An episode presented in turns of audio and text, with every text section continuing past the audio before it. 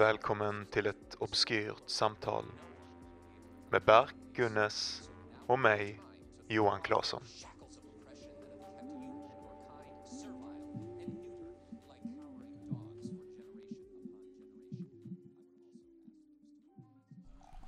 Pourar mig själv en classic rain. In the rain. Ja, vi sitter här på balkongen som förra gången. Det regnar. Och eh, vi dricker Rain Total Body Fuel. Sour apple. Eh, som är eh, ägt av Monster Energy också. Så att eh, det har vi sagt någon gång. Men den gamla Monster-sponsen jagar vi igen. Vissa saker förändras aldrig min bror. Så är det. Så är det. Hur... Får du säga ditt nya jobb?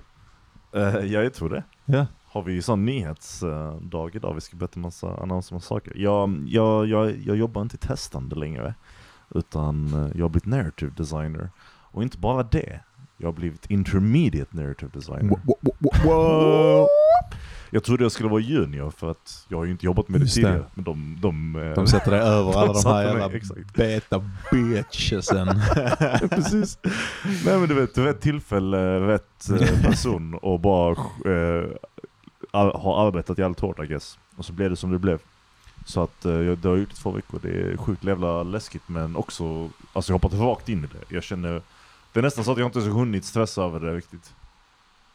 Jag bara, jag bara flowar med det liksom. Mm. Och det passar ju oss. Alltså, Mm. det, har det är någonting, alltså narrativ är någonting vi har snackat och diskuterat, arbetat med i fan nästan tio år. Och det känns nice. Det känns Ja. nu som att du är in it. Ja, Och det, du gör den sortens grejer du vill göra. Ja, exakt. Vilken, vilken sjuk grej alltså. Jag vet. Jag. Vilken dröm. Ja. jag trodde det skulle vara minst, jag bara, om jag inte, om jag inte hamnar här innan 30 så hoppar jag av så gör jag inte annat. Ja. Jag klarade med två år att uh, Nice. spare liksom.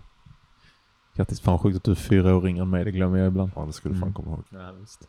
Hur successful jag är jämfört med dig. Vilken Ja, det, är- det, är- det, är- det är de flesta. Det ska man ha klart för sig.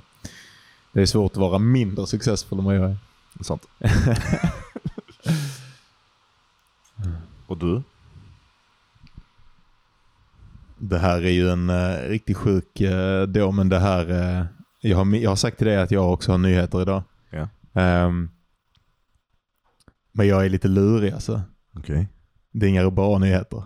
Är det inte bra nyhet? Det är inte bra nyheter. Vad fan har hänt? Jag har blivit dumpad. Va? Igår. Va? Ja. Det är sant. Jag är eh, fortfarande i chock tror jag. Jag, är- jag kan typ inte... Är det sant? Ja, det är sant. Det är riktigt sjukt. Jaha, vad Ja. hände? Nej, ehm, jag- vet inte. Jag hoppas att vi kommer in mer generellt. För jag tänkte att det är en sån grej då som man kan landa i och prata om någonstans. Jag vet inte vad, vad det är som är omkring det, men... eh, nej, så jag hade ingen aning. Ehm, jag hade varit på en eh, grej med skolan. Ja. Ehm, alltså så här. Shit, kolla den här. uh, Nu stör jag min egen dramatiska story, men kolla Turning Torso i dimman där borta ser det ut som en Cthulhu. Cthulhu Temple som sticker över byggnaderna. Det är riktigt ball, men okej. Ehm, nej, jag kom, jag kom efter skolan och så skulle jag träffa, jag, jag tänkte mycket på hur jag skulle prata med, jag får kanske säga E då, eller någonting. Jag vet inte om jag har sagt det, jag har väl kanske sagt hennes namn här tidigare. Men, men eh, jag tänkte att det kanske också finns en risk att jag nämner något annat ex, så sätter jag igång konventionen att säga eh, initialer för, från första början. För de som vet, vet ändå. Och sen för de Mm. som inte vet så, så spelar det ingen roll. Ehm, nej men jag trodde att vi skulle träffas och vi har kanske ett eller två avsnitt kvar på Sopranos och, och vi var i Danmark för bara ett par dagar sedan. Ja. Och, jag har liksom hela telefonen full med världens finaste meddelanden och, och allting. Ehm, och, så, och sen så tänker jag att nu ska vi bara, ja nu ska vi hänga, ska jag hänga med min tjej. Och eh, så träffades vi på gräsmattan här utanför när jag var ute med Belse. Mm. Och så försökte jag pussa henne. Och hon bara gav mig kinden. Och sen, eh, jag bara, han varför får jag bara kinden? Hon bara, vi måste snacka. Och jag bara, what? Vad är det som händer nu? Ehm, och så började vi promenera. Och hon bara, alltså fan det är, det är skitjobbigt. Jag har varit asnedstämd och jag vet att hon har varit liksom ledsen till och från dagen, men hon har varit asnedstämd nu. Ehm, Jag kommer inte riktigt ihåg vilken ordning hon sa det, men hon bara ja, alltså fan. Och det här har ju varit en grej sen vårt förhållande började, men att hon bara tänker på att sticka hela tiden. Ja. Hon ska dra liksom. Och jag är ju hennes första riktiga partner eller någonting. Ehm, eller åtminstone lite mer long term. Menar du sticker som att lämna, lämna landet? Ja, typ liksom, ja. ja. Bara dra någonstans. Ehm, och hon bara, nu tänker jag på det hela tiden och det måste betyda någonting och jag vill veta vad, vad du tänker på med vårt förhållande. Och jag bara, ja, vad fan menar du? Är vi på ett dåligt ställe? Och hon bara, nej. och jag bara, nej. Eh, vad, eh, vad handlar det om då? Och hon bara, ja. eh, Du, men du är så säker på detta, vad, vad du vill eller whatever. Att du vill att det här ska vara long term. Men jag vet inte om du kan liksom vara, eh, om det här bara är, om det inte är liksom long term eller man inte bestämmer sådana grejer eller whatever. Mm. Och eh, jag vet inte vad fan jag kom in i för mode, men jag direkt, jag bara, för att det påminner mig då om min och eller jag vet inte, det var, det var riktigt sån, alltså jag bara kunde känna, jag bara fan hon vill göra slut med mig nu men vågar inte göra det typ. Man, eller dansa runt ämnet. det lite eller, ja. ju. Alltså det finns ju någonting som... Och jag bara, ja fuck alltså såklart så vill jag... ehm, Alltså jag, vill, jag är inte så här att du liksom ska committa till att gifta dig med mig nu men, men, eh, men om du också känner att du bara kommer dra när som helst så är det inte rättvist mot mig Ja. heller om det är det du känner. Liksom. Ja. Ehm, och sen gick vi lite till och så, så kom jag ihåg att vi gick ut på tågspåren här bakom husen där jag bor där man kan gå på liksom övergiven sån uh, railway. Um, och jag... Ja, jag vet fan, jag bara, ja men eh, liksom vad, vad är det som du vill göra nu? Hon bara, ja hennes min roommate ska sticka ett par dagar och jag bara känner att jag verkligen behöver vara själv. Okej. Själv de dagarna. Och jag bara, ja det är klart du får ha dagar att vara själv om du behöver figura ut någonting och sånt. Och hon bara, ja men och liksom om jag då bestämmer mig för att sticka efter de dagarna Ja. så är det över. Ja. Och jag bara, ja då kan det vara över redan nu liksom. Då, Jag har inte, för det hände med mig och El, min tidigare tjej då. Då, eh, då hade vi en sån här vecka Mm. Där bara hon var bara för svag för att göra slut med mig och jag fattade det men ville bara leva på hoppet liksom. Och bara stickade in det. Och det var ju sån jävla tortyr liksom. Så jag bara, ja men... Ja. Nej. Det, det, du, du måste bestämma dig liksom. Eller då får du, det, det, om, det bara, om det är så att du redan har, inte att du måste bestämma dig, inte som ett ultimatum, men om du redan har gjort beslutet så måste du säga det till mig nu liksom. Ja. För att jag vill inte bara gå sådär. Och så sa hon ingenting och vi gick runt lite grann och jag bara ska, gick liksom bredvid varandra skitlänge och var bara tyst och hon gick och snyftade typ. Och jag var, jag kom in i sånt skitkonstigt mode. Jag var liksom inte känslomässig alls. Jag har knappt varit det ens sen det hände liksom. Så jag vet inte om jag bara hard repressar eller vad det är för någonting riktigt. Jag har ingen, jag har ingen aning men men, eh, eller aning, vi kan, det kommer vi kanske in i att kunna leta i det lite men, men ehm,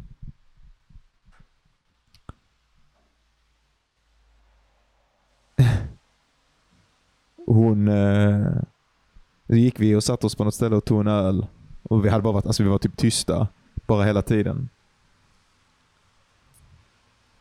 Och sen efter aslänge, eller ganska länge liksom, så, eh, så frågade jag henne ehm, Finns det någonting som jag kan göra? Mm.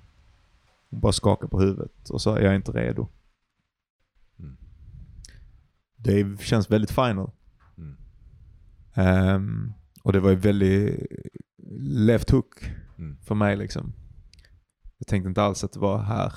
Jag var i livet. Något, även nu kan du tänka tillbaka Li- på att det var några tecken. Alltså ja, ja, det har varit tecken sedan vi började. Som jag sa, liksom, hon är ju sån rastlös i själen och hon är ju yngre, sex år yngre än mig.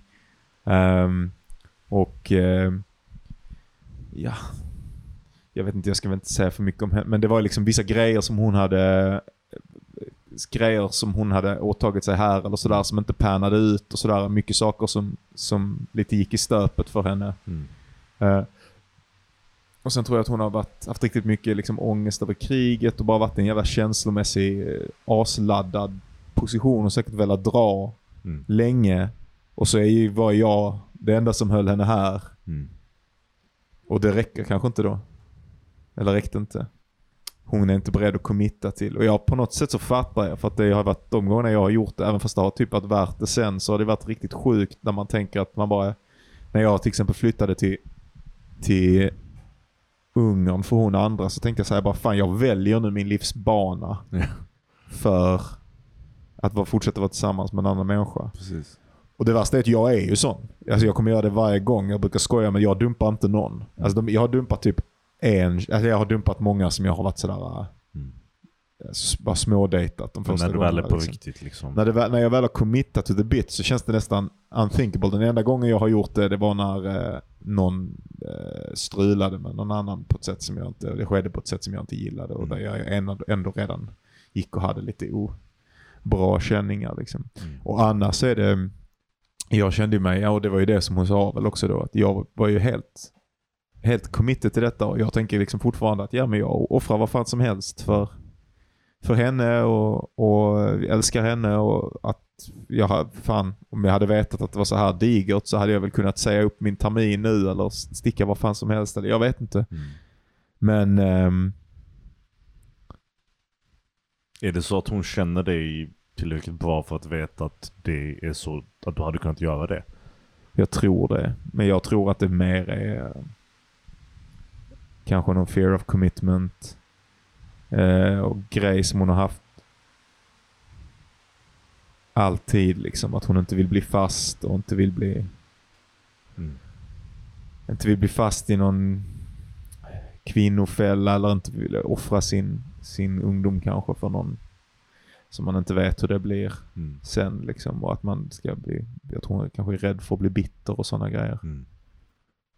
Ehm, och jag tror såklart, alltså jag tror uppenbarligen ehm, att hon gör ett misstag. För jag har ju också varit i det Mm. förhållandet. Liksom. Och min, det är klart att vi har våra problem eller hade haft våra problem eller har haft våra problem. Ehm, men ehm, jag kände att det var saker som man kan jobba på tillsammans. Att det verkligen var så jävla mycket within the realm of reason och att vi var ganska proaktiva med, med kommunikationen till skillnad från liksom i något tidigare förhållande som jag har varit, även i det som, stora som jag hade innan det här. Där det var liksom där hade jag sådana skuldkänslor, det fanns sånt mörker och även ilska. Det var så mycket, mycket, mycket negativa känslor efter det förhållandet. Mm. Kanske för att vi var, stannade ihop för länge då i och för sig. Men det var så mycket som var negativt eh, efteråt och det tog så lång tid att läka. Och det här, alltså jag vet någonting som liten grej liksom som jag skulle ha kunnat anstränga mig mer. Men på det stora hela så har jag Alltså jag har inga skuldkänslor. Liksom. Och det kanske också är det som gör att jag inte är så uppriven. För att jag bara, men om... Alltså gör hon slut med mig nu, Mm. då, jag, har, jag hade inte kunnat göra någonting annat. Mm. Alltså jag har nästan, tycker jag, skött det nästan så ehm, så bra som det finns i mig med min känslomässiga förmåga och allting eh, att göra. Så räcker inte det så räcker inte jag. Mm. Ehm, och sen är det då har jag mer bara känt liksom såklart. Jag vet inte, som sagt jag vet inte om jag fortfarande är i chock. Ehm, jag grät efteråt när jag ringde min syster och jag grät när jag pratade med någon polare och jag grät när, när jag berättade för någon i skolan idag. Och sådär. Mm. Eller grät, tårades upp åtminstone. Det blev lite ehm, så, vilket jag typ nästan inte alls gjorde förutom när vi kramades på slutet under hela vår konversation. Ehm, men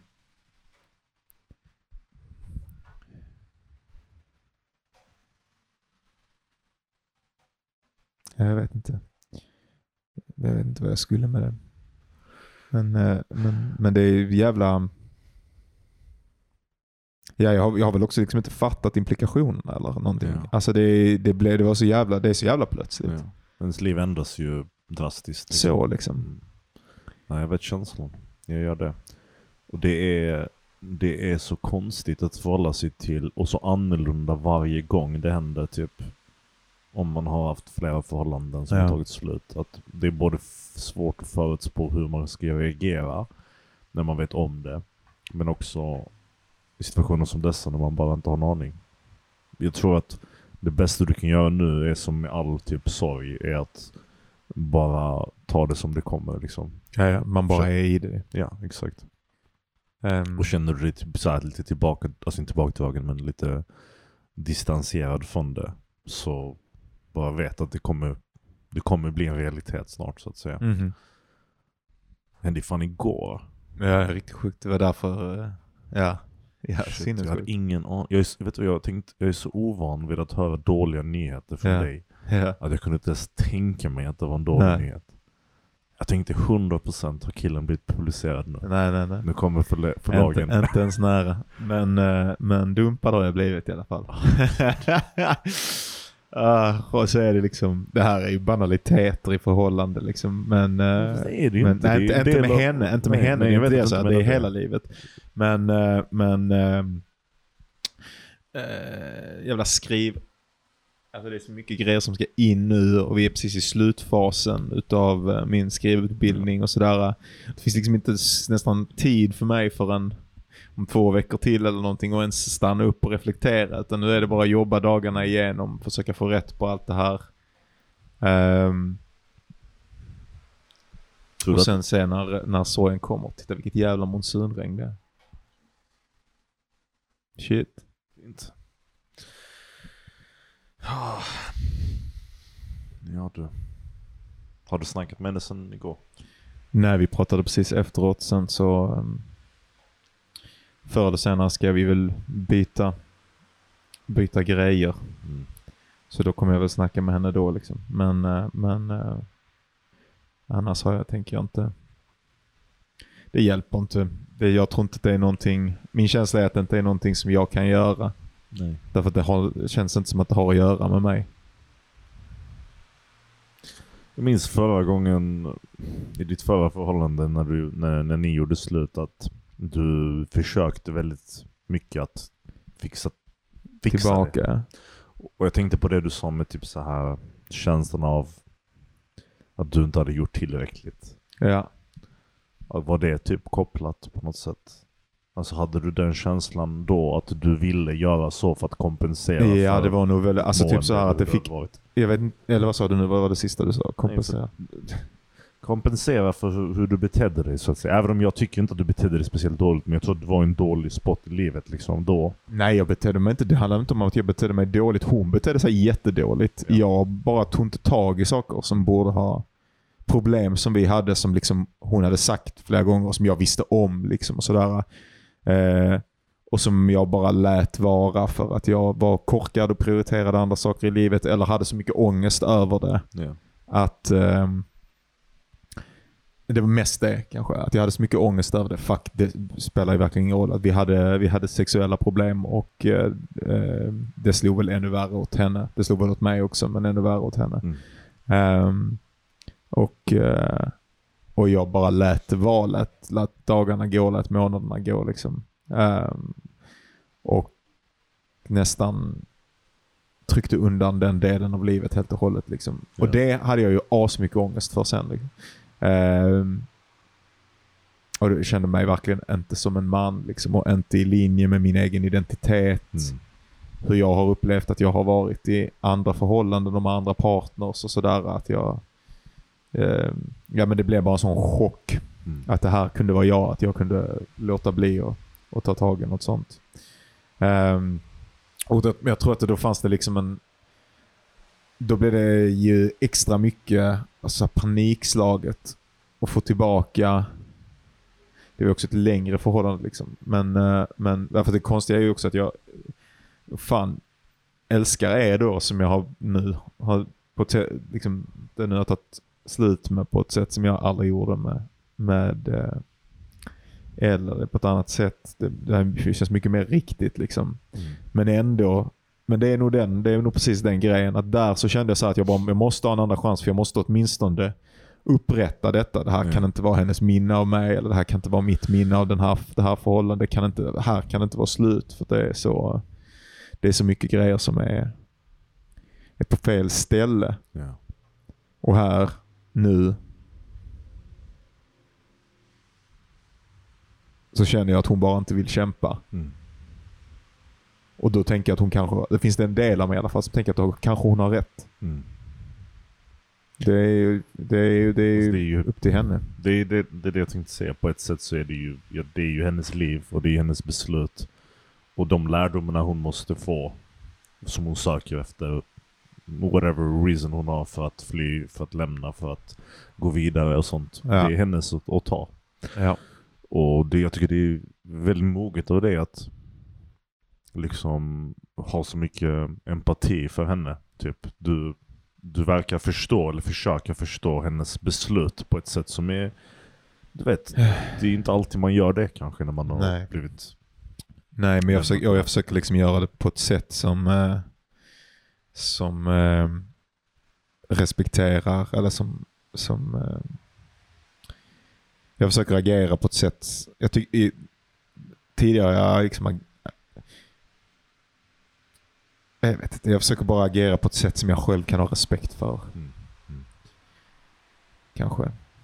Ehm, jag vill väl inte vara överdrivet diplomatisk. Det finns väl någon slags ilska Mm. eh, från mig mot henne. Liksom särskilt hur hon nu gjorde det och liksom eh, hur jävla out of the blue det var och hur mycket inte jag fick vara med i processen och sådär. Ja. Ehm, och den tycker jag väl att jag är berättigad att ha och att jag ska få lov att känna den och sådär. ja, ja, absolut. Eh, när den väl liksom slår ner helt och hållet. Men sen så hoppas jag ju att jag, att jag ska eh, kunna förlåta henne. Ganska snabbt. Ja. Jag, jag tänker att den typen av empati jag pratar om inte utesluter ilska. Alltså det är typ en allmän känsla av att förstå på människor där man typ, om man älskar någon och känner den människan, även om de gör någonting som så så kan man simultant känna en, en uh, ilska, vad gör den här hunden? En ilska. Jag sitter på alla mina sladdar så jag måste sitta så här helt hopkrupen för att inte dra ut hörlurarna. att man liksom kan känna i alla fall eh, både en ilska, en irritation, en whatever, negativ känsla. Jag, jag har den känslan kring många av mina relationer. Typ. B- både arg och ilsken men också förstå personens beslut. Och det är en sån konstig komplex situation att befinna sig i men kanske ännu mer komplex här men utåt i alla fall vad du säger till mig och här i podden tycker jag att Jag känner mig, men det är det som är liksom så här att det finns ju såklart en del av mig då som tänker så här att det här är meditationen. Det här är det som hände förra sommaren som nu på något sätt cashas out. Att jag bara är, jag ser min egen maktlöshet i förhållande till detta. Mm. Och så bara, okej, Mm. där accepterar jag den här döden. Liksom. Ehm, som ju varje uppbrott är. Ehm, men ehm,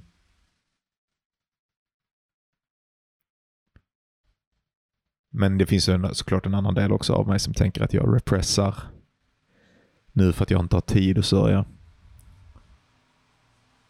Men jag, jag pratade med min polare, med Erik, ehm, och han sa någonting också att jag har vetat att hon var så här flyktig liksom så jävla länge.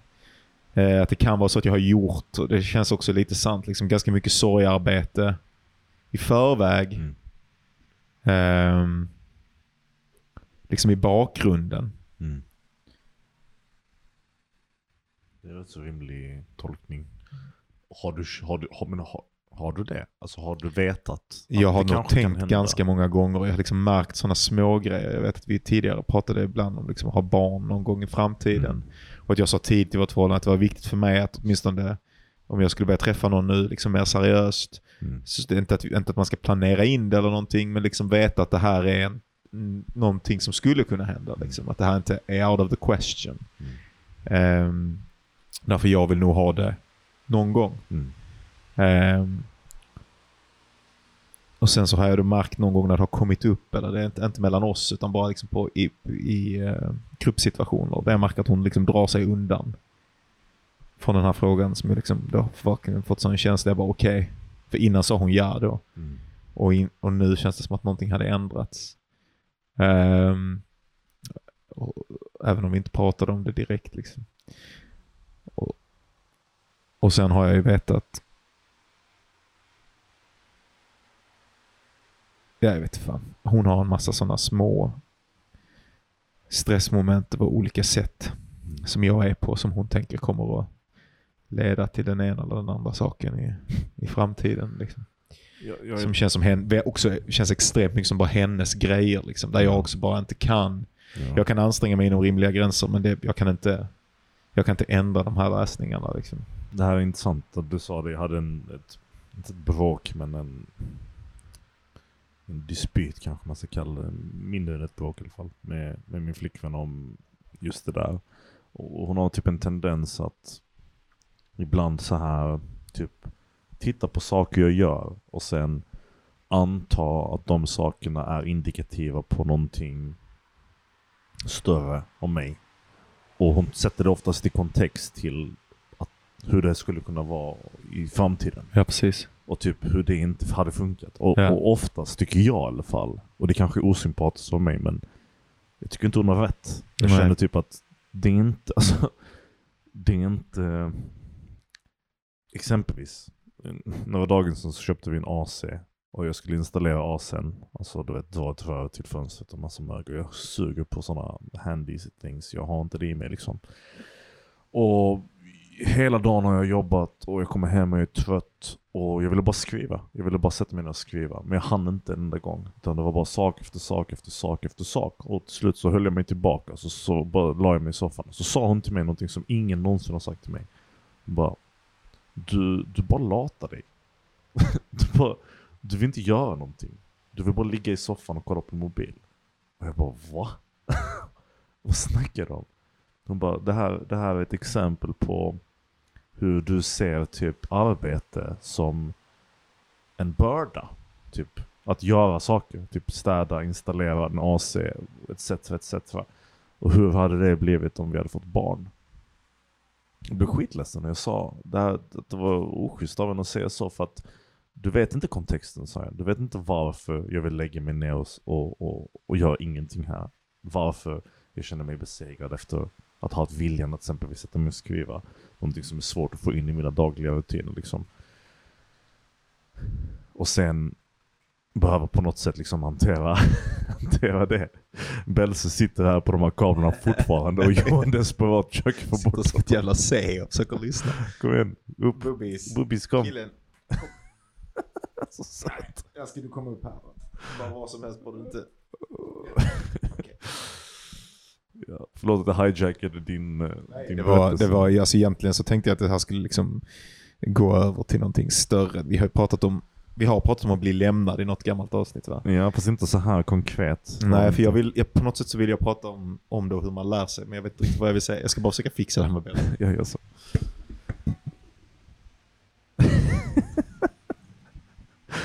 Är en liten bebis alltså.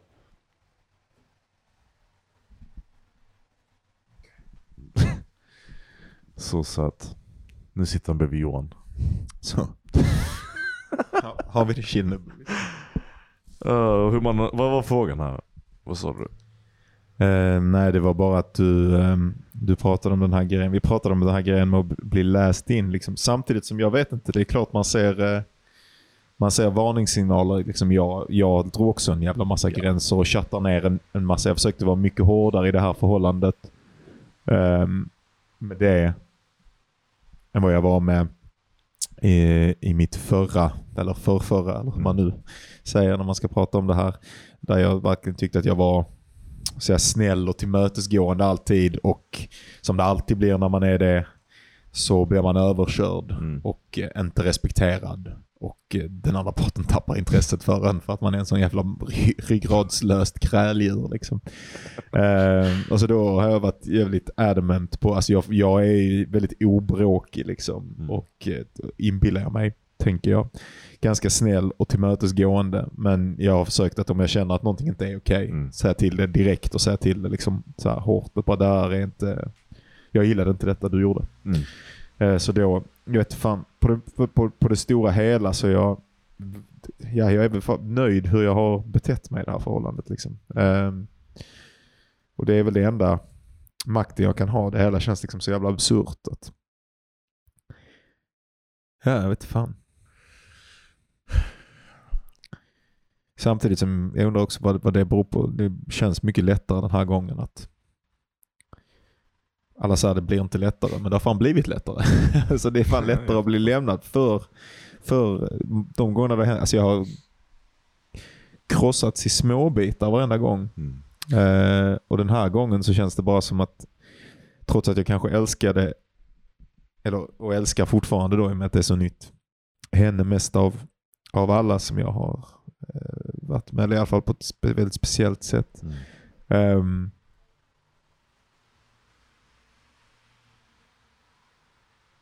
ja, så känns det ändå um, känns som att jag har, jag känner bara en sån stor besvikenhet. Mm. Ehm, som inte, inte den här ångesten, paniken och att verkligheten har blivit någonting jag inte ville att den skulle bli eller whatever. Utan bara men jag är inte besviken på henne som inte vill, vad jag, hur jag ser det då, inte vill kämpa. Mm. Och som besviken liksom på verkligheten som Alltså att det bara är så att, att jag, som jag ser det, inte, inte helt ut men i förhållande till mina resurser så har jag varit en så bra partner som jag kan vara. Liksom. Och, och alla de, de, i princip alla de sakerna som inte funkade med Linn har jag, oj ja, nu sa jag det men skitsamma, ja, har jag ju då verkligen eh, verkligen eh, sett till att de funkar här, Mm. så här. Och de har verkligen, det har ju verkligen funkat. Alltså det har varit liksom det intimaste förhållandet jag någonsin har varit i. Mm. Ehm, och bitvis helt magiskt liksom. På ett sätt som jag inte visste att, att romantik kunde vara, eller vad man ska säga. Nästan. Ehm, och ändå Ändå så, så, så, så får man ingenting tillbaka. Det är som med skrivandet. Liksom. Det spelar ingen roll hur mycket jag anstränger mig. Det spelar ingen roll. Jag får så lite tillbaka. Jag, alltså det känns som jag, jag slänger mina liv på de här grejerna och bara försöker få det att bli bra. Och försöker anstränga mig och försöker gå dem till mötes och göra alla sådana här jävla regler som man har läst och hört på olika ställen. Liksom att man ska försöka vara skitduktig på kommunikation i förhållande till skrivandet. Liksom bara lägga mycket tid, allting sånt som andra inte pallar göra. Försöka göra allting och ändå så är det bara som att hela livet bara inte vill ge mig någonting tillbaka. Och det här är ju en, en läsning som bara nästan är sann i den här tiden. För det här eh, ett och ett halvt året med henne har ju varit great liksom. Och ibland har skrivandet gett mig skitmycket liksom. Mm. Men, och man ska ju inte, det är ju fakt att börja tänka på liksom så här materiella outcomes och då räknar jag materiella outcomes eh, både som vem som vill, både såväl liksom pengar och kändisskap och jada jada eh, som vem konkret som vill vara med en. Hur, Ja. Alltså hur den materiella verkligheten ter sig. Både såväl partner och vänner, allting det räknar jag in i det materiella i, den här, i det här språkbruket. Eh, man ska ju inte hänga upp sin sin känsla av, av att bli belönad på liksom resultaten i det. Men det är ju nästan nästan omöjligt att inte göra det. Eller belönad vet du fan. Alltså jag vill inte bli belönad. Jag vill ha en... Eh, fan, jag vill bara vara med den personen jag älskar och skriva en bra bok. Är det så jävla mycket begärt eller? Men tydligen så, så, så, så kan man inte ha det så kul. Alltså, det är ju...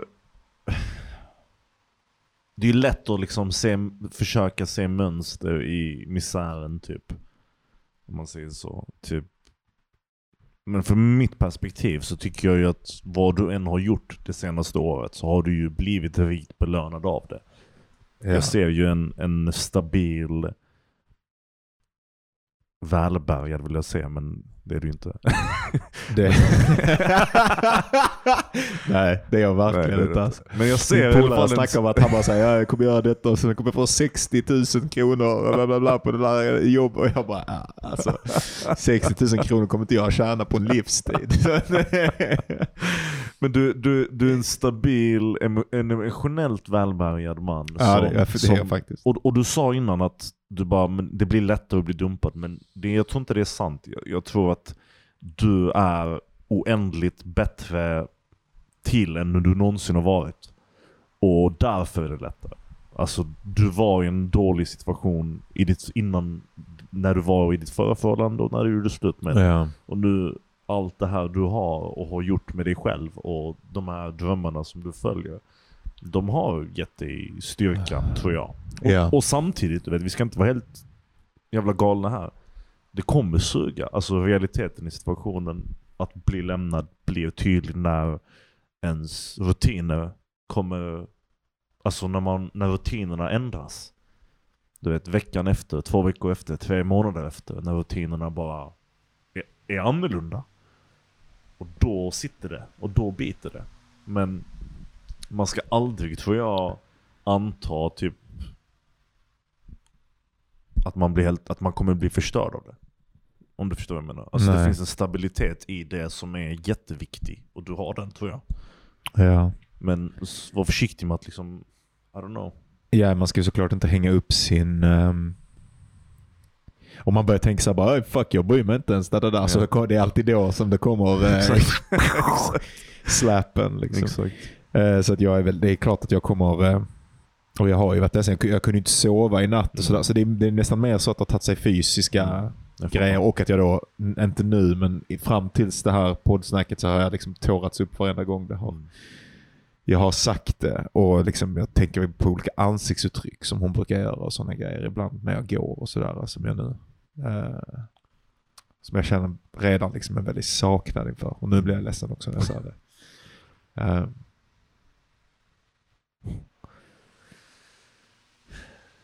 Ja, fan. Men det är... Eh,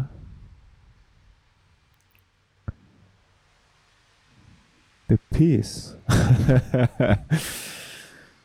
Och jag är inte fucking sugen på att... Men det kan man väl chilla med ganska länge. Men jag brukar ha så svårt med det. att vara själv. Men eh, eh, jag är fan inte sugen på att dejta alltså. Känner du att du måste, att du inte pallar göra om allting? Typ? Nej, så känner jag inte. För jag, jag tycker att det är ett dåligt sätt att tänka på relationer och sådana grejer. Som att man bara bygger och bygger och bygger och bygger. Liksom. Ehm, man blir också mycket bättre. Alltså varenda ny relation, om man gör relationer på ett bra sätt så blir varenda ny relation man går in i bättre. Därför att man plockar upp och liksom lär sig en massa nya grejer. Och också ser brister som man har för att vara en riktigt bra partner eh, i, i, vid varje breakup. Liksom. Och sen när man träffar nästa person så verkar det som att man har träffat en bättre person. Ja. Men i själva verket är det man själv som är bättre. ja. Och det tar upp den andra personen till den nivån. Det stämmer. Ehm, och det... ehm, ja. Men det, men det, nej. Det är mer bara... Det är inte att göra om allting. Det, det är bara att det, jag känner mig kanske bara allmänt desillusionerad och jag tänker på hur det var liksom innan jag träffade henne och alltså ut och jag antar att en stor anledning till varför jag älskade henne på ett sånt sätt som jag inte riktigt har älskat de andra um, som jag har varit med. De har jag älskat på sina sätt liksom. Men, men med, den, med, med är, Um, är att det verkligen kändes som att, att eh, det här är ju en klyscha, men att vi kunde vara oss själva. Liksom. Mm. Att, att jag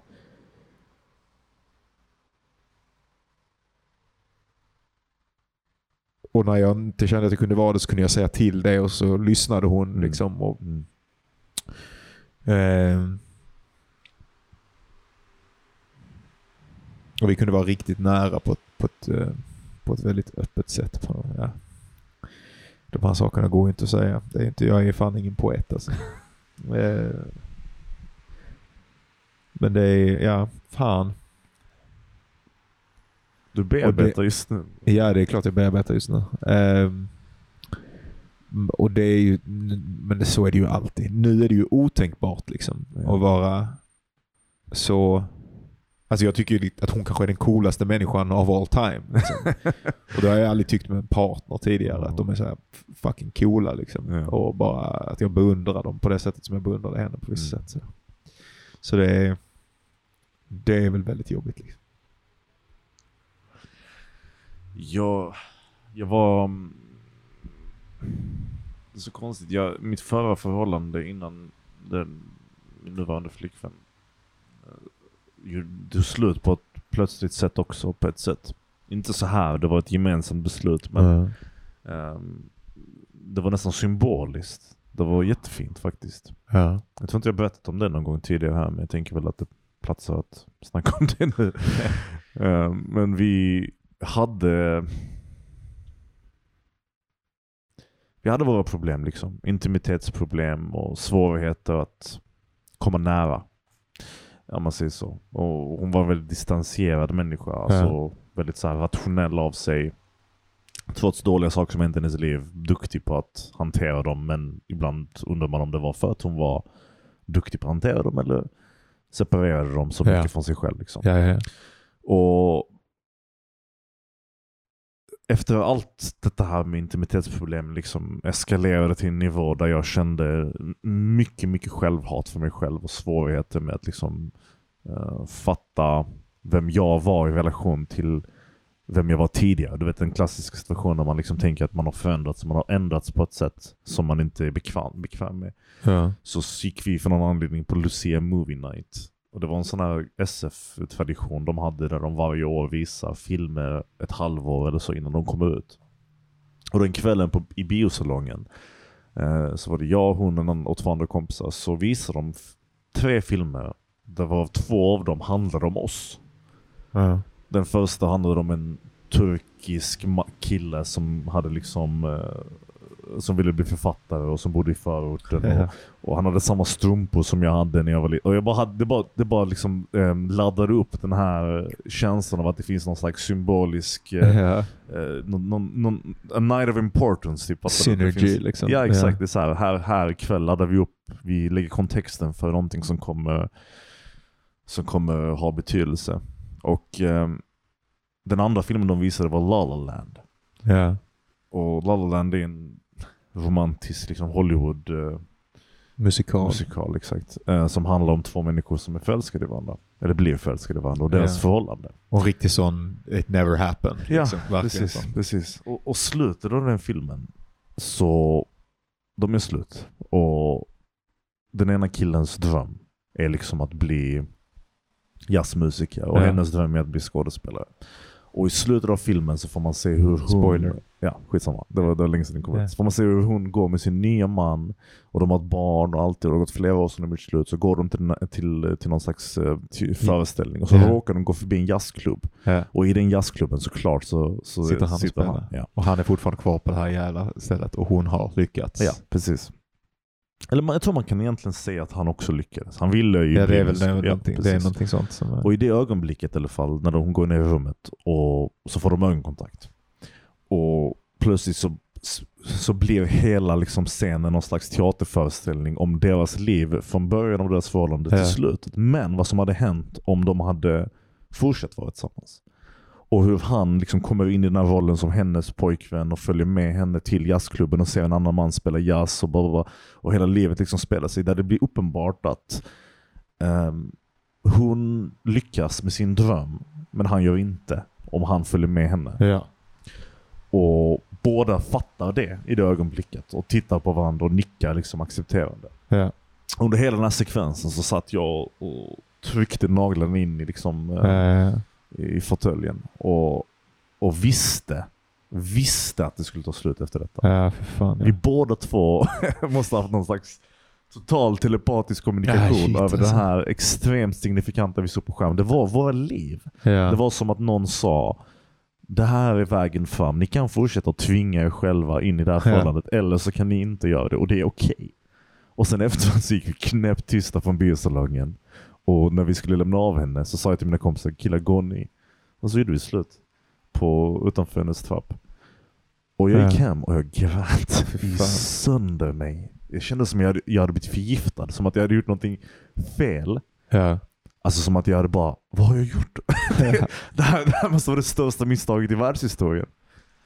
Uh, sen dagen efter så var det bättre. Och det var mycket bättre än jag trodde det skulle vara. ja. Och allting som jag inte kunde se överhuvudtaget tidigare började bli uppenbart efteråt. Men det var fint.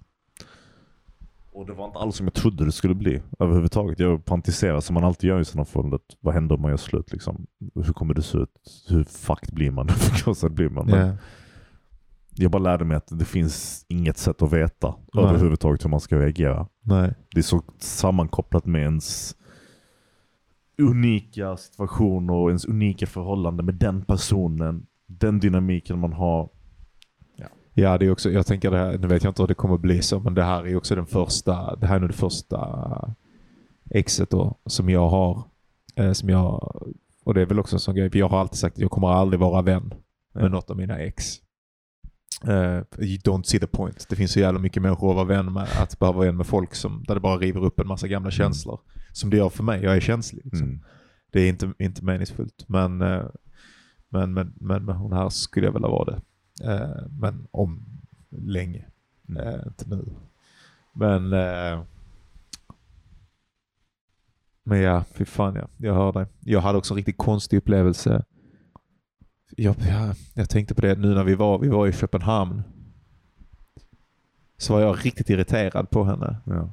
på, på olika sådana grejer som hon gjorde som jag bara tycker är så att nu har... Och det, jag, kunde vara det ganska, jag tyckte ganska ofta att hon inte tänkte på...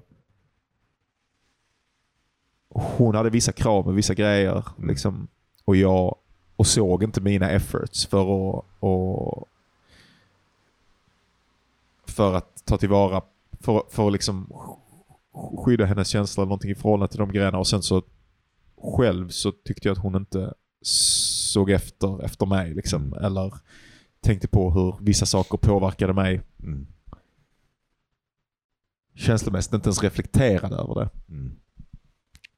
Och kanske till och med gjorde det till lite en grej att inte ens reflektera över det. Att det var lite ball och bara dra iväg och sådana här grejer för mig när vi gick tillsammans. Och, så. Ehm, och, eh, och då var, alltså jag var riktigt irriterad på ett sånt sätt som man typ bara, som jag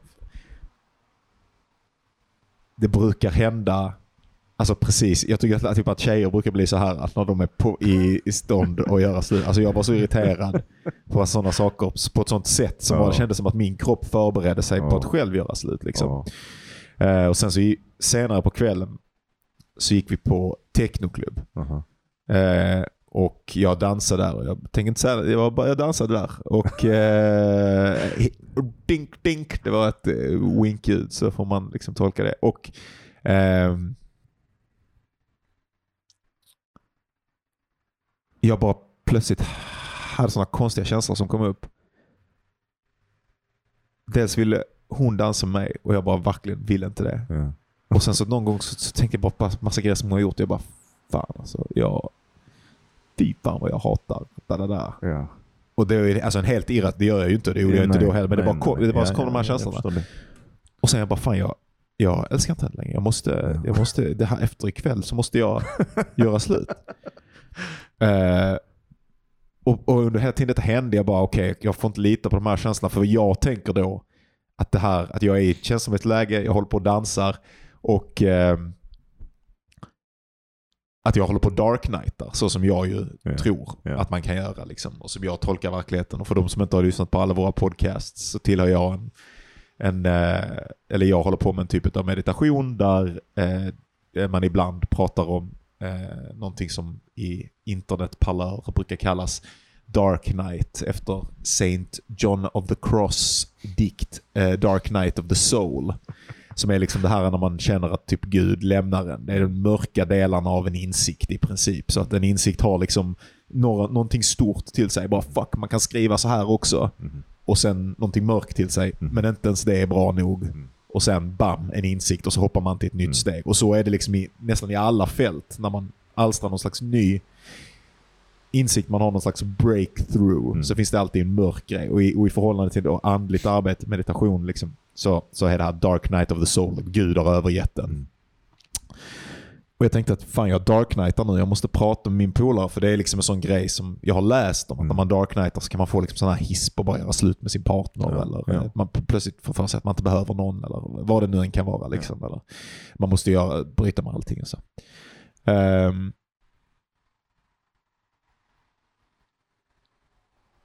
men sen... Och så var det liksom un, under tiden vi dansade där och sen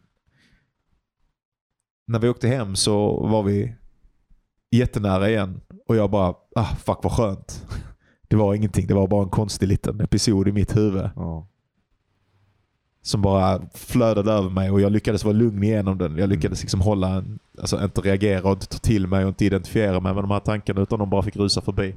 Så, Och sen var det som att de då också var liksom premonition. Ja. Som att jag plockade upp någonting i henne eller som att jag plockade upp, eller att vi båda, kanske är det därför jag inte är så ledsen. Kanske fanns Ja. det också någon, någonting i mig som inte var nöjd. Men, men, men, men jag, jag skulle ju aldrig ha eh, gjort slut i alla fall tror jag inte. För jag, Mm. jag tänker att eh, min uppfattning är att, eh, det, har, det har gammal klyscha också, men att älska är ett verb. Att man Mm. fortsätter kötta efter att man har hittat någon. Att det kommer aldrig bli mm. idealet. Men det, det, enda som, det enda som är dåligt som kan hända är att man blir bekväma. Så länge två stycken människor ehm, jobbar för att älska varandra och har det som en värdegrund och en tro Mm, att det är så mm, man gör. Mm. Så tror jag att det räcker ett helt liv oavsett vilken kemisk, hur, hur det kemin mellan Ja, Ja. ändras. Liksom. Utan det är bara när, någon, när man börjar ta varandra för givet Precis. eller sånt som det, det blir dåligt på riktigt. I min uppfattning. Två saker. De, jag känner liksom mycket att i mitt förhållande nu att det är någonting som jag och, och, och Neffi gör bra. Att vi kämpar alltid. Även om det finns problem. Ja. Och det för mig kan vara frustrerande under förhållandets gång men i efterhand kännas som Så en... är man tacksam. Ja. Exakt. Och det är så man bygger tillit. Ja, liksom. exakt, exakt. Det känns som att man har upplevt saker tillsammans då. Ja. Liksom. Och en Ja. annan sak som jag tänkte säga, det är också Så det är fan rage against the modern world Ja. också. För jag hatar den här hela grejen att det bara är magkänslan som Ja. spelar någon roll. Och det är ju sugigt som fan för man vill ju träffa, jag vill ju träffa någon som känner Mm. så. Mm. Men har aldrig gjort det. Eller folk tror att de känner så. Mm. Men när det väl testas så är min uppfattning att väldigt få väldigt få är beredda. Jag ska säga någonting kontroversiellt. Ja, Du behöver en utländsk tjej. ja det är sant. Jag har vetat detta, jag, detta det. jag vetat länge. Och vet Ja. vad jag mer behöver? Jag behöver fucking Koranen. Och jag behöver Allah. Och jag har vetat detta så jävla länge. Du behöver typ en... Du behöver en turk, tror jag. Alltså en, en snygg turkisk tjej som Ah, du kan åka till inte med mig som luktar Istanbul med. rosvatten. Ja, exakt. Åka till familjen, hennes baban och träffa dem och, Ja. och, make, och gå till, eh, gå till fucking moskén med farbröderna och sånt. Det är det du Ja, behöver. ja, ja, ja. Men Bara det, jag och dervischerna snurrar natten Ja, iväg och sen exakt. äter vi sån här jävla... dadlar och Ja, ja, ja. fucking eh, whatever. Um, nej, men det andra jag skulle säga var att det du säger om att du liksom hade den där, den där stunden i teknikklubben där du måste ha känt av eller premoni- premonition, eller vad det heter. Ja. Ehm, det här, alltså det är ju exakt det som hände för mig i bion. Alltså, ja, men det är det jag menar. Det ja, var alltså vi, ja, precis. Ja. Men, men, ja. att det är ju uppenbart då att, både, att man har ju känt någonting i kroppen som man inte har svar på Ja. förrän ögonblicket är rätt. Och i rätt ögonblick så är det uppenbart vad känslan har varit. Ja. Men innan dess är det helt osynligt. Och jag hade typ det, alltså. Jag har en familjemedlem som har det varit så jobbigt nu och, och vi satt i bilen några dagar sedan och jag bara brast ut i gråt plötsligt. Alltså över en situation, jag, jag vill inte gå in på det här i podden, det är för privat. Även om vi går in på jätteprivat saker. nu, Ja. Men Det är den privataste det är grejen. den privataste grejen. Liksom. Men, men poängen var i alla fall att jag kände alltså, klart en stor oro och en stor bababa i kroppen. Men i det ögonblicket så bara, helt plötsligt så bara, som en, vad vet jag, typ som en explosion. Liksom bara kom ut ur mig och sen försvann det lika snabbt. Men då fattar man ju att det finns ju massa skit på gång i kroppen.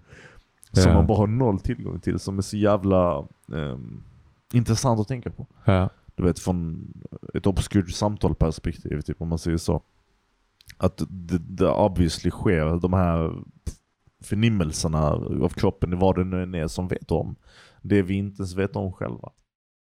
Och I kanske ord du i visste. alla fall. Ja. Du- Vad sa du? I ord i alla fall. Ja, Ja. ja. Och kanske du visste, mm, eller så var det bara en sån Dark Knight of the Soul moment liksom. Man har ju sån också.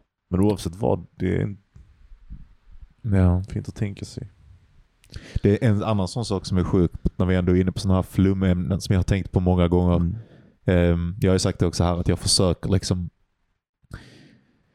som, som en inställning till livet ha, ha den uppfattningen aktivt. Liksom i alla fall att typ så här, men Gud finns åtminstone Mm. i den bemärkelsen att allting är lärdomar och allting är det det måste vara och det enda det kunde vara och det det ska vara och det är ur detta som jag ska förstå Mm. någonting. Vad verkligheten är, vad, vad, vad jag själv är, hur jag upplever mig själv i förhållande till den yttre världen. Allting det här liksom.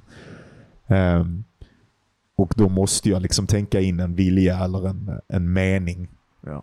i världen för att det ska make någon sens. Och det, det måste man ju på något sätt göra tycker jag. För annars så delvar man in i nihilism. Liksom. Inte nödvändigtvis att man måste kalla det Gud, men man måste... Jag inbillar mig i alla fall, eller det känns för mig så, att, eh, att det är ett jävligt hälsosamt sätt att förhålla sig till verkligheten. Liksom. Ehm, och Jag har tänkt skitmycket på det som är konstigt då med mina två senaste förhållanden. Att det var en massa grejer som jag gjorde fel. I mitt första av dem som ehm, där jag fixade typ alla de grejerna Mm. och sen så gjorde den här senaste tjejen gjorde exakt, alltså var typ mig Mm. i den förra Mm. förhållandet. Så att jag blev liksom testad, Ja, ja. nästan kändes som att jag blev Mm. testad aktivt. Mm. Men så många av mina egna beteenden och sånt som jag då hade skruvat ut för att jag, jag bara okej fuck de här, jag skäms att det blev så här, jag, allting det här äh, känns riktigt, riktigt dåligt. Eh, och, och, blev, och det var verkligen sådana här äh, skavpunkter i mitt förra förhållande. Och sen är det som för att fatta, det är inte bara på en på en Eh, på en konceptuell nivå eller, uti, eller ens utifrån min egen skam. Liksom. Eller utifrån att en annan människa har dömt mig så var jag tvungen att, att se det från andra hållet också. Eh, jag ska bara ta ett enkelt exempel liksom så här som är tramsigt. Jag tror inte hon, den här senaste, hade brytt sig om att jag sa detta för att det var lite hennes jargong. Men, men eh, alltså typ eh, min första då, L, av de här två var ju, alltså, rikt, hade riktigt mycket grejer med kroppen. Alltså. Och det hade jag också i det förhållandet. Men hon hade riktigt mycket grejer, vilket gjorde mina grejer ännu värre. Och mycket grejer med så här hur äckligt bajs var, hur äckligt det var med toa, alltså grejer med allting sånt skit. Att det var så jävla äckligt liksom. Och ingenting kunde vara roligt. Det var, jag jag sagt till dig någon Ja. gång att, att jag använde eh, jag använde eh, vårt badkar som en bidé typ efter att jag hade torkat mig. Och någon gång så konfronterade hon mig över det. Och det var liksom, och det kan man ju göra. Jag, alltså, det är ju äckligt att jag gjorde det liksom. Jag fattar att jag är en, en, en, eh, en sonky dude. Så här. Men det är åtminstone en rolig grej. Alltså, det är något som man kan skratta på. Så här, jag gör inte detta för det är fan äckligt. Men det, alltså, det blev så jävla mörkt när hon gjorde det. Alltså, det, hon gjorde det på ett sånt sätt som var, där det var så här, ah, fuck, alltså, ska kroppen behöva vara så här äcklig? Ska det behöva vara så här fruktansvärt alltihopa? Eh, och sen då som är den här senaste, hon är riktigt bara sån här, går på toa med öppen dörr. Där jag bara wow, wow, wow, vad fan gör du? eh, där jag har liksom fått... Eh, där det är som att jag har fått se utifrån mina Mm. parametrar. Mm. Okej, ja men... Eh, eh, inte nödvändigtvis att, att då den första av de här L hade rätt, men, men eh, så det här var, det här var liksom äckligt över hennes gränser för henne Ja, och nu ja. får du känna hur det känns lite grann Exakt, exakt. för dig. Liksom. ja, det är lite, bara för att vara lite elak så är det lite kul att tänka sig att, att Gud har skapat och konstruerat en hel kvinna för att reflektera ditt beteende. Liksom. Nej men det tänker jag väl inte. Nej, jag skojar, det är ju absolut inte så jag tänker. det är ju inte- det är ju också så att jag tänker att jag är den här personen i andra människors liv. Liksom. Och, och att det inte är... Ja, som sagt, det här är en, en gud som man tänker in i Exakt. existensen liksom, på någon vänster. Nej men att se typ någon slags...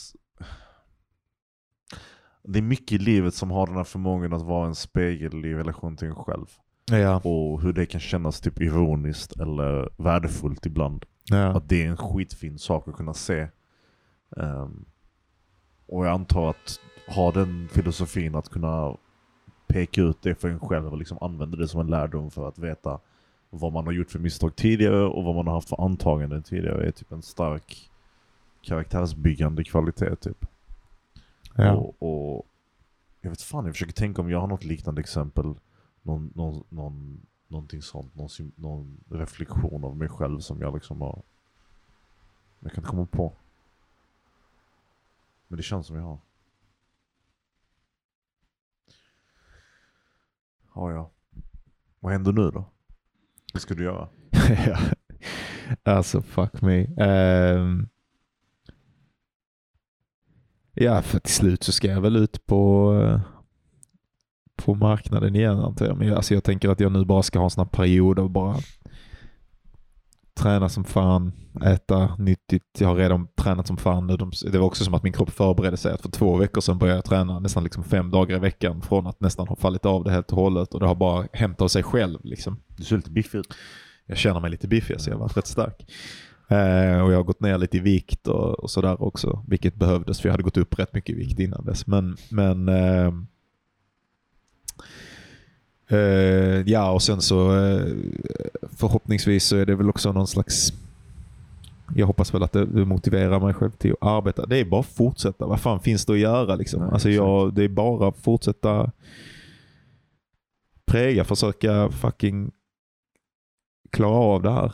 Eh, Det är fan den bästa känslan. Alltså det där att ha, ha en sån sak att falla tillbaka Ja. på. Typ. Det, det är inte många som har det faktiskt. Nej jag vet. Jag pratade med någon idag på bussen om det, en, en klasskompis, att jag, alltså i förhållande till detta att jag har liksom någon gång, du vet det tar slut och sen så ska man gå och stå i en bar i 11 timmar Exakt. dagen efter eller två dagar efter och man bara säger att det här är hopplöst och folk bara abusar en lika mycket Ja. och när man då är ledsen Ja. så blir folk bara ännu taskigare därför man inte är glad. Liksom. Och, eh, och det börjar piss och mög och man bara varför gör jag detta? Vad fan? Eller om man liksom ska bara fortsätta sitt jävla lageryrke eller vad det nu än är som man har. Inget, inget ner mot det. Jag kommer också, men jag tänker på meningsskapande. Liksom. Mm. För jag kommer också behöva jobba lager snart. Men, så, eh, men, men, eh, men att ha att ha den känslan, jag bara the show must go on eller jobbet Exakt, fortsätter. exakt, eller, exakt. Det är bara det är, det, är bara att fortsätta sina rutiner. Nej, Det är skönt. När min förrförra flickvän gjorde slut med mig, hon dumpade mig grovt. Så, så, så det, var, det var under tiden jag satt på biblioteket och skrev varje dag. Ja. Och dagen efteråt stötte jag på henne eller något sånt. Två, eller kanske två, tre dagar efteråt. Eh, I biblioteket. Och hon såg så här förvånad ut. Fan, typ, är du här? Och jag bara, ja. Alltså det fanns inte ens en sekund i världen att rutinen skulle fucka sig av något så banalt som ett breakup. Ja, ja, ja. Jag skulle tillbaka till bibblan. Och, och inte, inte, inte trots breakup, utan på grund av det. Ja, det, var, det var liksom... Så känner jag Ja, också. ja, ja visst. Alltså All- rutinen must go on för att den är viktig och den är... Det är som att allting bara har gått på... Alltså, allt mitt sånt här, bara, lust att småäta, lust att, all, allting har bara stängts av Ja. och jag bara har så här nu lockat in i nu. Träning, skriva, tu, tu, tu. Det är ju väldigt nytt fortfarande. Liksom. Jag har känt det Ja. idag, liksom, hur allting bara så sätter sig på, eh, på plats. Så eh, det är väl alltid det positiva liksom, med, med sådana här det, det finns ju någon sån här grej som inte är sann, men som många goofy självhjälpsdude brukar säga. att Typ så här kris. Eh, kanske kris och möjlighet är samma ord på kinesiska eller samma tecken. Alltså, det stämmer inte. Det är, det är en sån, det är en sån fake. Man bara tar det till jävla, ja men på arabiska så dubbeltydligheten, finns den här dubbeltydligheten. Men det men ändå liksom, det finns ju något eh, det är så här, ja men det har ju att göra med den här breakthroughen. Liksom. Att, eh, om man kapitaliserar på den energin som frigörs i ett Mm. kristill, kristillstånd. Och det kan vara bara skitjobbigt och helt omöjligt och svårt att göra det. Speciellt om man inte fattar. Alltså det tar ju lång tid och kanske beror på tur att ens förstå vad det innebär i förhållande till ens egen Mm. interna upplevelse. Mm, Liksom. mm. Ehm, för det är ju det det är en sak att säga det konceptuellt, det är en annan grej att fatta vad det är i sig själv. Mm. Men om man har hittat till det så är det fan jävla en jävla kraft liksom. Ja. Det skickar iväg en i någon riktning. Mm. alltså, jag, ja, jag tänker typ att um, själv har jag nog aldrig varit i ett förhållande där jag inte har blivit bättre av det efteråt. Alltså, inte av breakupet men av förhållandet. Och så breakupet bara mm, accelererat den ja. färden liksom. Men jag, jag tänker på den här för, för, för flickvännen som, som uh, gjorde slut med mig. Och hon, det här var intressant, en sak som hände. Det här är inte alls applicerbart på det, men kanske du känner igen något av det. Men jag, jag var ihop med henne och jag blev en...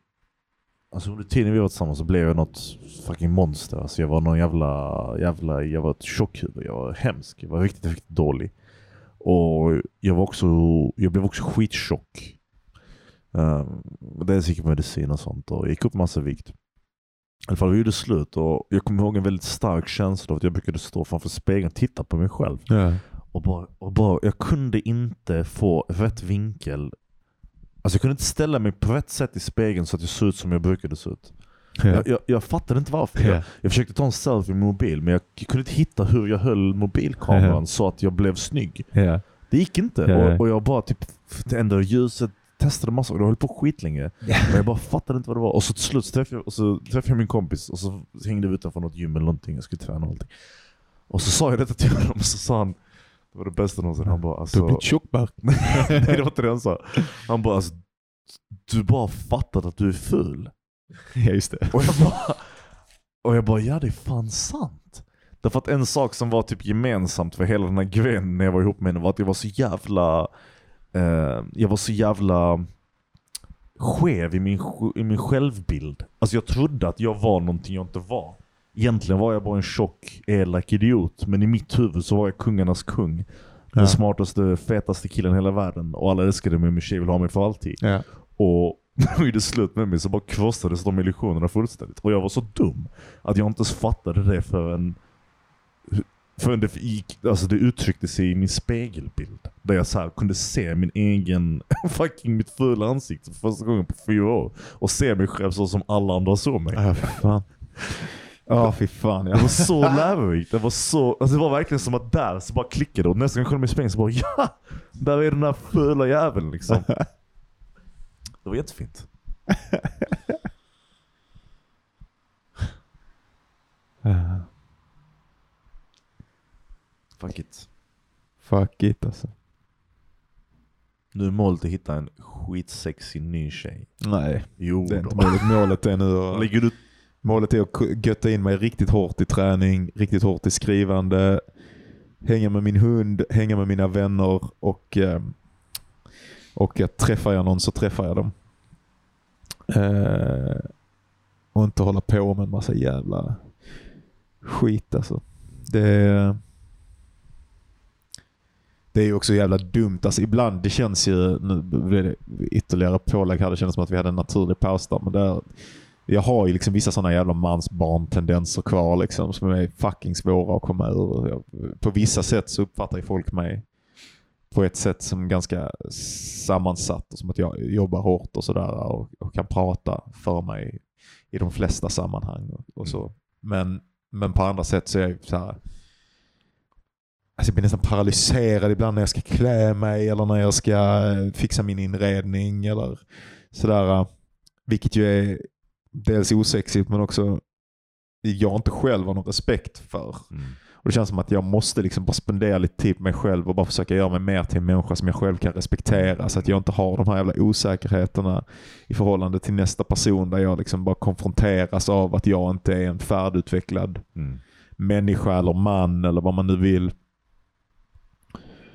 Eh, Det är väl idealet i alla fall, så tillvida jag kan fixa dem. Jag är ju ett jävla ADD, gör en sak i taget, bara Alltså, dude liksom. Och problemet min, min morsa är likadan. Och Hon är ju för fan, har jobbat ett helt arbetsliv. Hon, kan, hon bara har så vissa grejer som hon bara inte, hon kan, har inte tagit tag i dem på 15 år liksom. ja. Ehm. och det är svårt, jag kan ju säga nu att jag ska göra någonting åt det men sen så, Mm. det är störigt att säga det och sen visar det sig att inte någonting blir gjort. Det är också lätt att få de sakerna typ utpekade av en partner. Alltså Ja, ibland det- ser man ju inte dem förrän man är i förhållandet. Ja, man hittar ju, ja, alla mina partners har ju fan sett detta. Alla, alla stör sig på, det är makalöst att du inte gör det, med att jag, att jag bara inte tar tag i, i saker utanför mina kärnrutiner liksom. Någonsin. Mm. Eh, Jag ser så jag betalar mina räkningar och grejer, men jag, men eh, tusen grejer som jag sagt att jag ska göra som ligger utanför bara skriva det. Till och med saker som har med skrivandet att göra som är utanför main loopen. Mm. Och sitta ner vid datorn och bara hamra ut ord. Saker som har att göra mer med att st- stiga upp och få något överperspektiv. Ja, och så. ja. Jag bara har inte den självkontrollen att göra det. Jag känner så mycket resistance inför det. Mm. Och bara... Vissa gånger trycker jag igenom det, men de flesta gånger så är jag bara nej, det är för... Eh, inte ens att jag tänker att det är för jobbigt. Det bara, det bara blir inte gjort.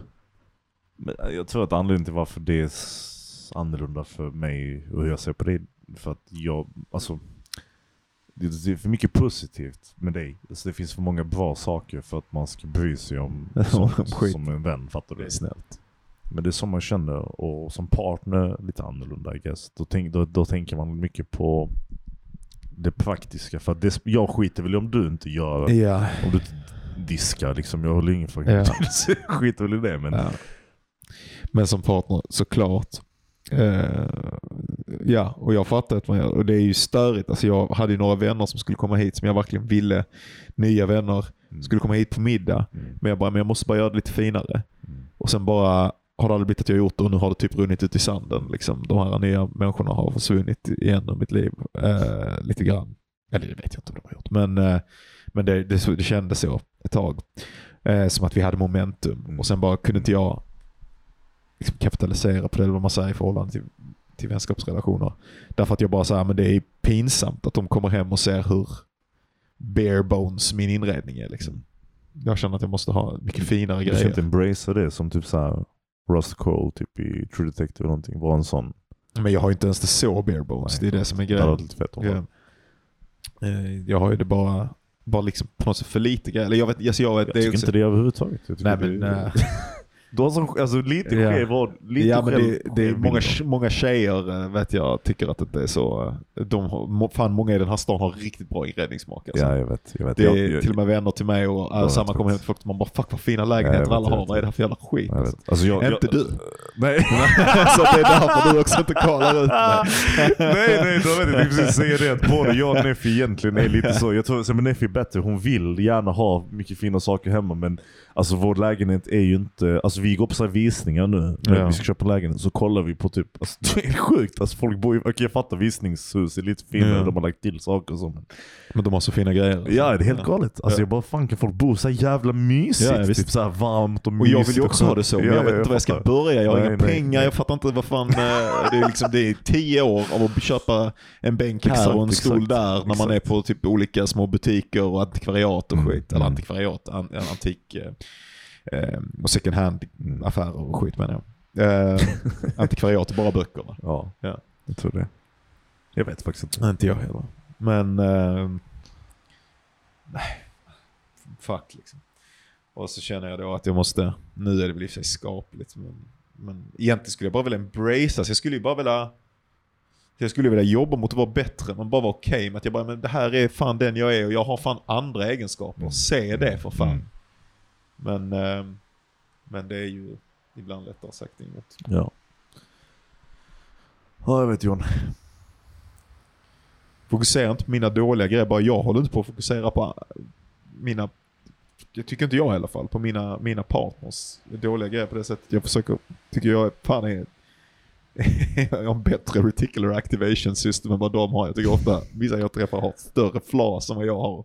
Och jag kan leva med det, men de kan inte bara det. Och jag antar att det är det då.